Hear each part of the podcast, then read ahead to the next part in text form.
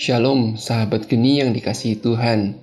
Hari ini Kamis 3 Desember 2020 kita akan merenungkan Injil Markus bab 16 ayat 15 sampai 20 bersama saya Indra Permana dari komunitas Gracia.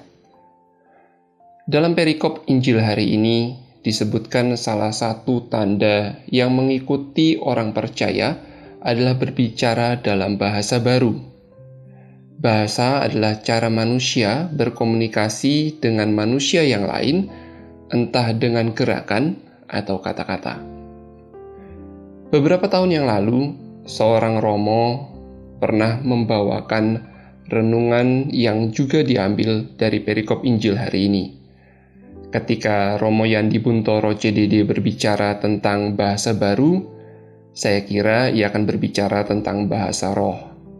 Tetapi, ia mengatakan sesuatu yang membuka paradigma saya saat itu. Romo tersebut berkata, "Setiap orang yang percaya seharusnya berbicara dengan bahasa yang baru." Ia lalu memberi contoh seorang suami yang biasa berbicara kasar ketika ia percaya dan Kristus ada di dalam hadirinya maka ia akan berbicara dalam bahasa yang baru, yaitu bahasa kasih. Ia akan berbicara kepada istrinya dengan lemah lembut. Seorang bos yang biasa mengkritik karyawannya dengan keras dan tajam akan berubah menggunakan bahasa yang baru, yaitu bahasa yang membangun. Seorang ibu yang memarahi anaknya dengan melotot akan berubah memandang dengan lembut, dengan bahasa non-verbal yang baru.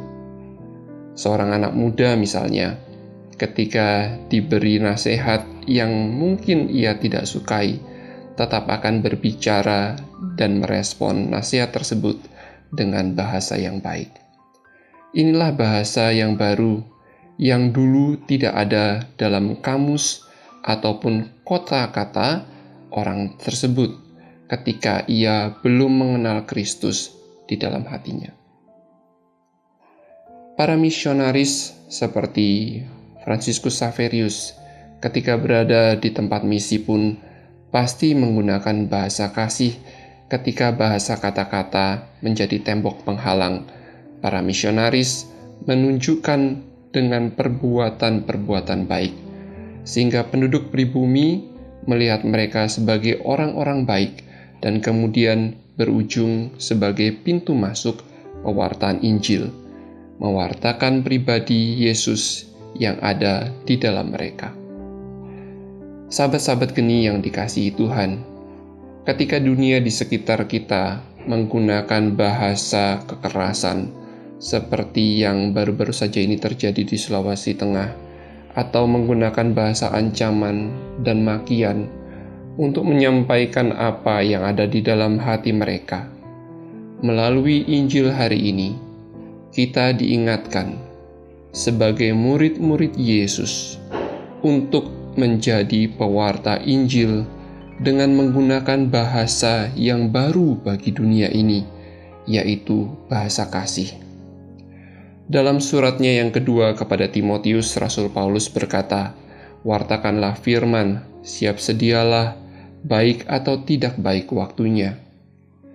Kita wajib mewartakan firman melalui kata-kata, perbuatan, dan sikap kita, baik saat hati kita tenang dan damai atau gembira, ataupun di saat hati kita sedang gusar ataupun marah. Kita dituntut dan diminta untuk tetap bisa mewartakan firman tersebut dengan kasih. Selamat mewartakan firman Tuhan hari ini di mana pun Anda berada, dan Tuhan memberkati. Amin.